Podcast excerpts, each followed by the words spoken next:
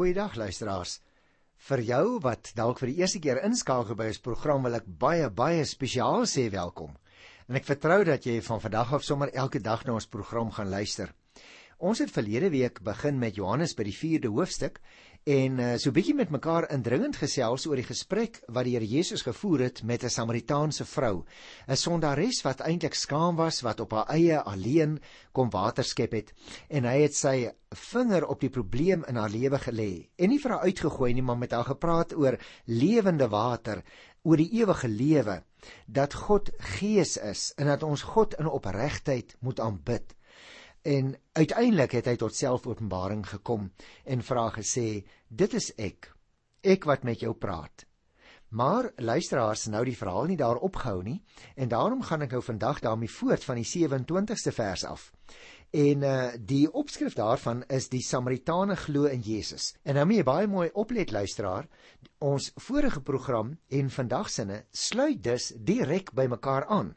Ek is bang jy sien nie daardie verband raak nie want dit is die Samaritaanse vrou met wie die Here gepraat het en hierdie perikoop van vandag handel daaroor dat die Samaritane met ander woorde haar volksgenote nou in die Here Jesus begin glo het.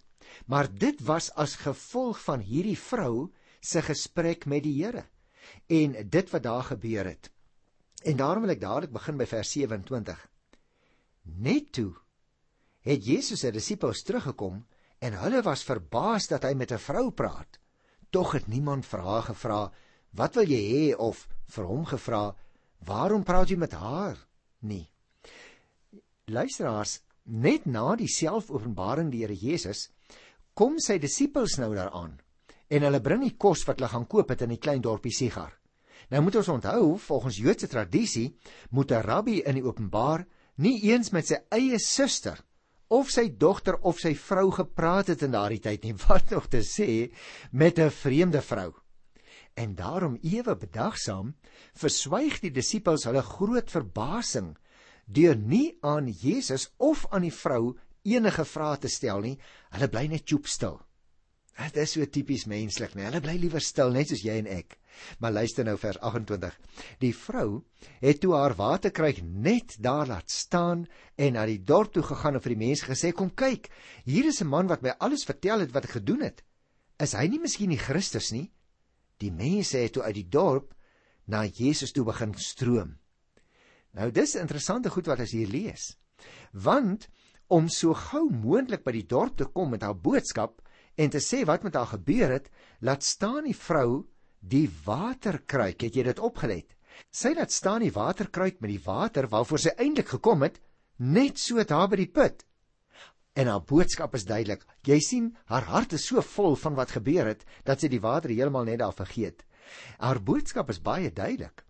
Hulle moet kom kyk, gaan sê sy vir die mense in die dorpie. Kom kyk na die vreemdeling met die profetiese gawes wat my verlede ken. Ek dink as dit ek en jy was, luister sou ons dalk weggehardloop het.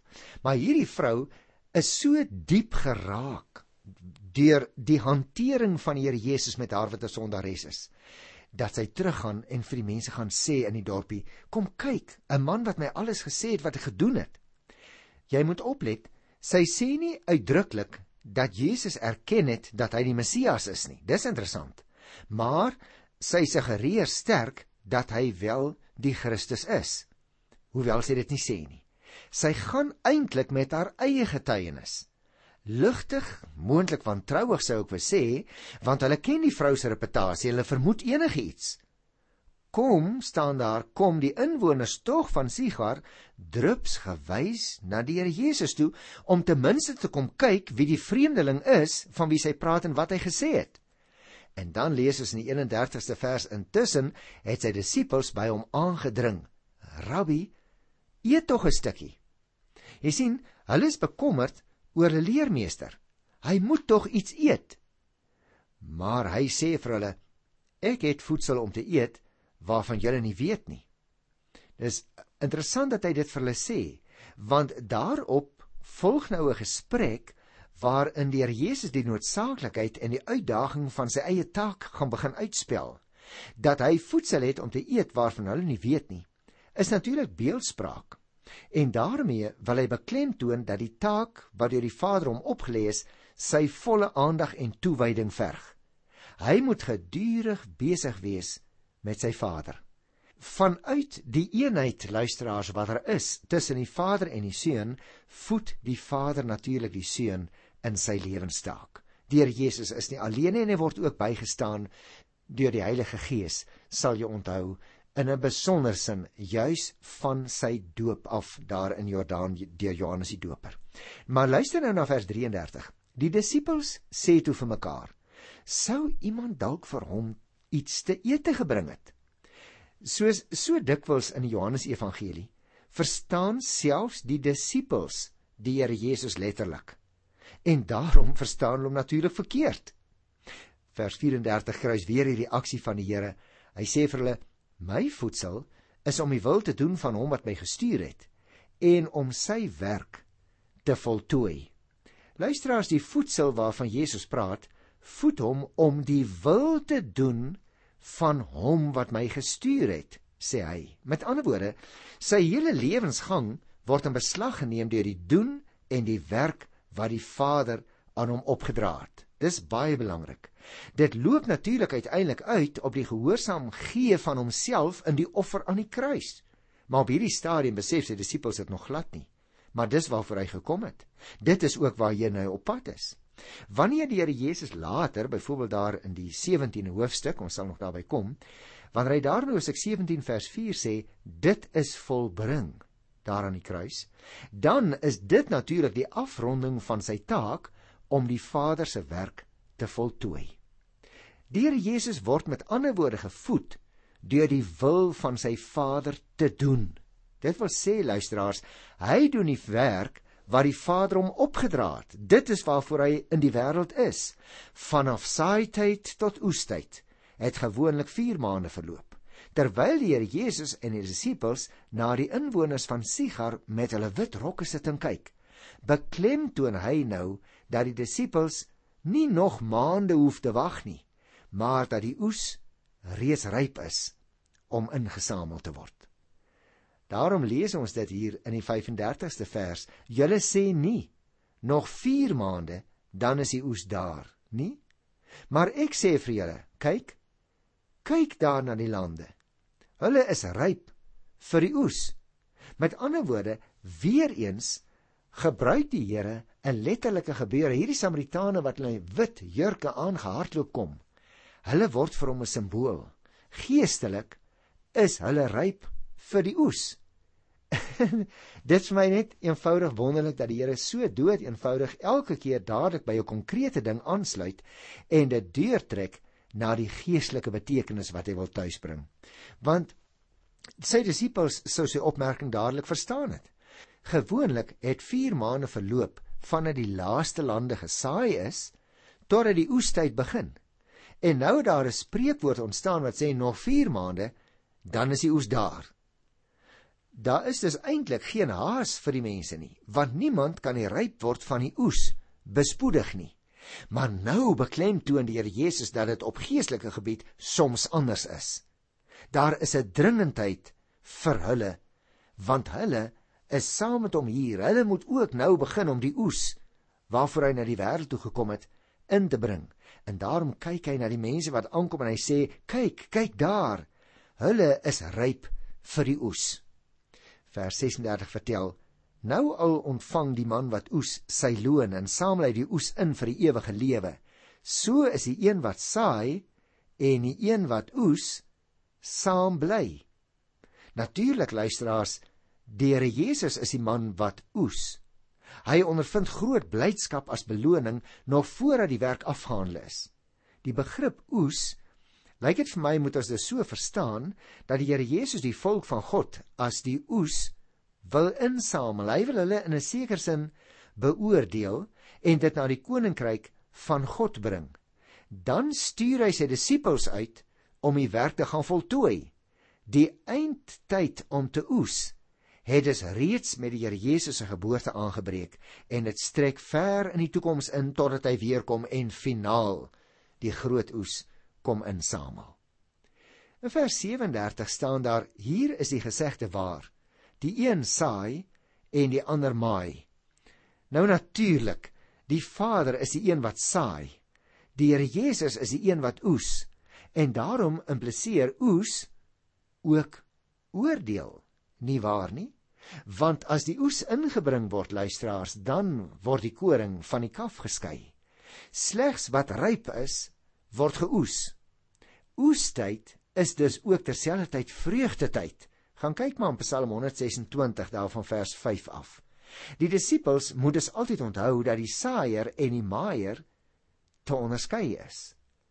Jy en ek saai ook die saad, maar die een wat uiteindelik die oes gaan inbring, is die Here Jesus. Nou ja wel, soms gebruik hy ons hier en daar om iemand tot bekering te help en in te bring, maar ons moenie onsself op die skouer klop nie. Dit is omdat iemand anders dalk alreeds die saad gesaai het. En die Here bevoorreg maar net soms vir jou of my om 'n stukkie van die oes in te bring, maar hy gaan die finale oes inbring. Daarom luister na vers 38. Ek het julle gestuur om 'n oes in te samel waaraan julle nie gearbei het nie. Ander het gearbei en julle pluk die vrug vir hulle arbeid. Die Here Jesus wat oes en sy Vader wat gesaai het in hierdie geval is saam bly. Die disippels moet nou net voortgaan met die oeswerk deur die Samaritane tot geloof te help lei. En dit is ook jou en my taak luisteraar as Christus gelowiges. Alle sendingwerk is die oes van die vrug wat die Vader en die Seun gesaai het. Ons kan byvoorbeeld geen groeikrag in mense se harte laat tuisbring nie. Daarom gaan jy en ek ook voort om te saai, maar soms, het ek net nou gesê, gebruik jy ook vir ons om die oes in te bring. En dit is 'n verruklike en 'n voorreg om as gelowiges ook aan hierdie hele proses te mag deelneem. Is dit nie waar nie? Kom ons lees vers 39. Baie van die Samaritane in daardie dorp het tot geloof in Jesus gekom. Luister nou, op grond van die woorde van die vrou wat getuig het. Hy het my alles vertel wat ek gedoen het. Die Samaritaanse vrou het onmiddellik vir die ander mense gaan vertel wat met haar gebeur het. Dit het ons geleer vroeër in die perikoop. Ondanks haar slegte reputasie, het baie mense nou die uitnodiging aangeneem en na die Here Jesus gegaan. Hulle het gaan luister, hulle was geïnteresseerd. Geloof in die Here Jesus sou uiteindelik die geslagtelange haat wat daar tussen hierdie mense was en ook tussen hulle en die Jode in 'n groot mate verdryf. En meer nog luisteraars, God gebruik 'n sondaar mens soos hierdie vrou om 'n hele dorpie se mense tot nuwe insigte te lei. Jy sien die resultaat van die vrou se getuienis is oorweldigend. Baie van die Samaritane, jy moet oplet nie almal nie, baie van die Samaritane staan daar het hom aanvaar. Eers het hulle net nader gekom na hom toe. Daarna het die geloofsgenote aangegroei en baie meer staan daar het tot geloof in hom gekom. Die aanvaarding het verdiep, let op na die teks, op grond van wat? Op grond van die persoonlike ervaring van Jesus se woorde en die verdieping vind sy klimaks daarin dat hulle hom gelowig erken het as, so staan dit daar, die verlosser van die wêreld. Kom ek lees dit. Vers 40. Toe die Samaritane by hom kom, het hulle by hom daarop aangedring om by hulle te bly. Hy het 2 dae daar gebly. Nog baie meer van hulle het toe tot geloof in hom gekom op grond van wat hy gesê het. En hulle het vir die vrou gesê: "Ons glo nie meer op grond van wat jy gesê het nie, want ons het self na hom geluister en ons weet dat hy waarlik die verlosser van die wêreld is. En luister as dis 'n baie baie belangrike ding wat hulle hier sê. Want jy en ek kan getuig soos wat hierdie vrou gedoen het. En onthou sy het niks anders gedoen nie. Sy het net gaan sê wat met haar gebeur het en die mense na die Here Jesus toe genooi. Eers toe hulle na sy woorde luister, het daar nog baie meer staan daar tot geloof in hom gekom. En daarom is die Bybel vir ons so belangrik want dit bevat die woorde van God. Luisteraars, ons aanvaar ek in elk geval en wil graag glo jy ook wat na ons program luister op 'n gereelde basis. Ons aanvaar die Bybel onvoorwaardelik as die geïnspireerde woord van God. En daarom kan ons ook maar vir mense sê wat nader na die Here kom, lees die woord van die Here. Veral die evangelie van Johannes, want dit is maklik verstaanbaar. Want dit is eers as mense na die woorde van God self luister dat dit soveel gesag het. Soveel meer gesag wil ek sê, het as wat jy en ek dit selfs letterlik van hulle kan vir hulle kan aanhaal. Daarom hierdie mense besef dat die woorde van goddelike oorsprong is en dit het op vrugbare grond geval in hulle harte. En die Samaritane, o die Samaritane begin glo. Hulle kom in, die oes kom in. Nie op grond van wondertekens nie. Dis ook vir my interessant, maar op grond van die Here Jesus se prediking. Dis belangrik, né? Want vers 41 sê nog baie meer van hulle het tot geloof in hom gekom op grond van wat hy gesê het en wat glo hulle. Die 42ste vers sê hulle glo hy is die verlosser van die wêreld wat as Messias sou kom, want hy beantwoord aan die verwagtinge van die Jode sowel as die verwagtinge van die Samaritane, naamlik hy bring vrede. Gaan kyk maar in die Ou Testament in Micha 5 vers 4. En daardie vrede wat die Messias gaan bring, dit ervaar hierdie vrou nou in haar eie hart. Dit ervaar hierdie mense wanneer hulle na hom luister en daarom kom hulle tot oorgawe. Hy red dus nie net Jode nie. Hy red ook hierdie Samaritane. Luisteraars, hy red die mensheid, almal wat in hom glo. Ook sulke uitgevalle mense uit die maatskappy soos hierdie vrou. In Johannes Evangelie tussen hakies hou die naam verlosser gewoonlik verband met Jesus se koms na die wêreld toe om mense te kom verlos. En nou kom ons by die laaste stukkie van hierdie hoofstuk vandag. Ek is by Johannes 4 en nou is ek by vers 43 en uh, die opskrif daarvan is die genesing van die regeringsamptenaar se seun. Nou luisteraars, hier ek wil amper vir jou sê, hier gaan die trechter so bietjie weier oop, né? Wanneer Jesus het begin praat met die Jode in Jerusalem, Nou het hy gepraat in Samaria met die Samaritane waarheen die Christene ook later gestuur is om die evangelie verder te gaan verkondig. Maar hier is nou 'n interessante ding. Die genesing van die regeringsamptenaar se seun. En nou moet ons dadelik weer besef, by die Jode was regeringsamptenare nie baie gewild nie. Kom ek lees die 43ste vers. Na die 2 dae het Jesus daarvandaan na Galilea toe gegaan. Nou die 2 dae, dit was baie vrugbaar uh, daardie 2 dae by die Samaritane daar in Sigar, reis die Here Jesus nou verder na Galilea toe, want jy moet onthou, hy was eintlik na Galilea op pad. Vers 44 sê hy self verklaar dat 'n profeet nie in sy eie land geëer word nie. Ek wil uh, miskien net op daardie opmerking van Johannes sê, volgens Johannes Evangelie is Jesus se eie land eintlik Galilea. Gaan lees maar daar in Hoofstuk 1 vers 45 en vers 46. Die spreekwoord wat ons nou hier kry in vers 44 dat 'n profeet nie in sy eie land geëer word nie, dui dus aan dat Jesus nie groot sukses in Galilea, sy tuisgebied, verwag nie. Inteendeel, hy is voorberei op verwerping. Maar natuurlik sy disippels besef dit nog nie. Eintlik is Jesus nie van hierdie wêreld nie. Nou ja, dit is so want Johannes 8:23 sê dit, maar hy is van die hemel. So 'n mens kan dit in 'n sekere sin verwag, maar tog moes dit vir hom baie hartseer gewees het, want hy het juis in Galilea in Nasaret groot geword. Vers 45 vertel vir ons, maar toe hy in Galilea aankom, het die Galileërs hom verwelkom. Hulle het alles gesien wat hy gedurende die feesvierings in Jerusalem gedoen het, want hulle was self ook by die Paasfees die Here Jesus word op verrassende wyse soos 'n gas verwelkom, lees ons in Galilea.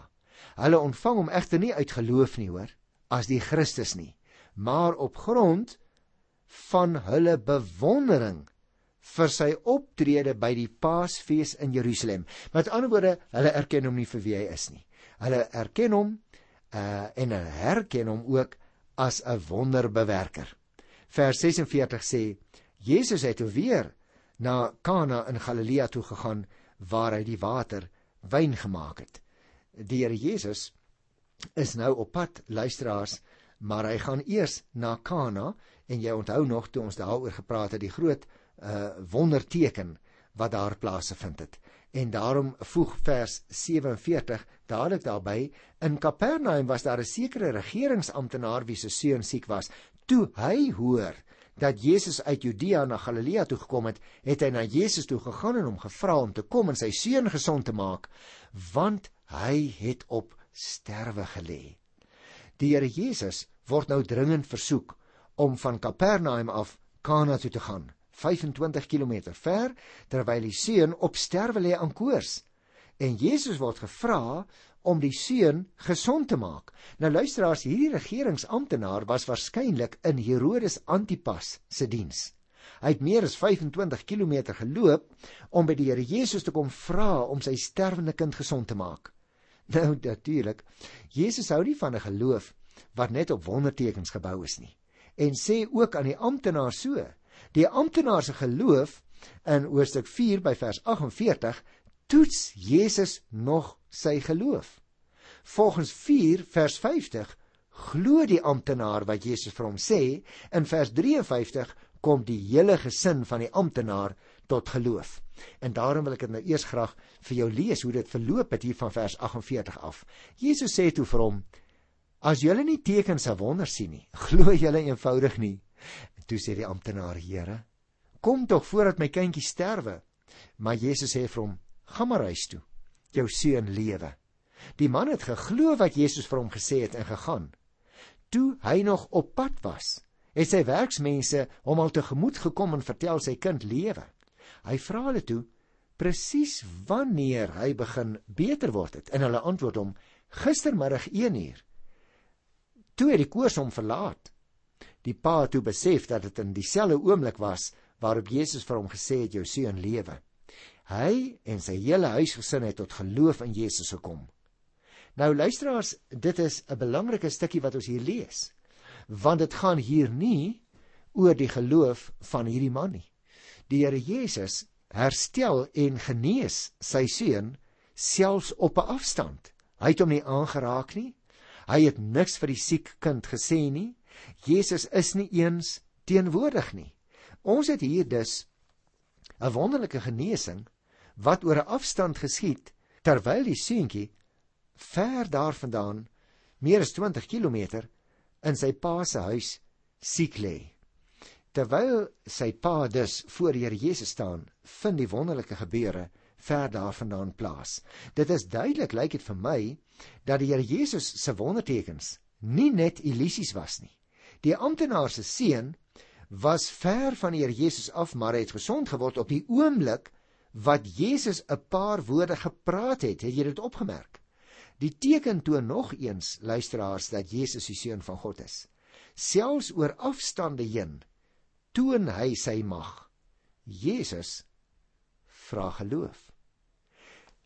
Die 54ste vers sluit af deur te sê: Dit was die tweede wonderteken wat Jesus gedoen het nadat hy uit Judea na Galilea toe gekom het. Ek dink wat ons moet raak sien ook in hierdie vers en in die opmerkings wat gemaak is in die vorige gedeelte dat dit op dieselfde oomblik waarop Jesus gesê het jou seun lewe was dat die koors die kind verlaat het. Die amptenaar luisteraars het om 'n teken gevra en vir Jesus in die geloof gevind. Deur die voorbeeld van die amptenaar wys die Here Jesus die Galileërs dan daarop dat hulle in hom kan glo sonder dat hulle 'n wonderteken sien. Want hierdie Vader het op hierdie stadium nog geen wonderteken gesien nie. Ehm um, en daarom dink ek dit is ook vir jou so belangrik vir jou en vir my dat ons die Here Jesus kan vertrou met ons versoeke, maar dat ons nie elke keer 'n wonderteken hoef te vra nie. As ek hierdie verhale lees om saam te vat Johannes 4, eers die ontmoeting met die Samaritaanse vrou, vir wie die Here Jesus plek in sy ruim hart het, ten spyte van haar verlede.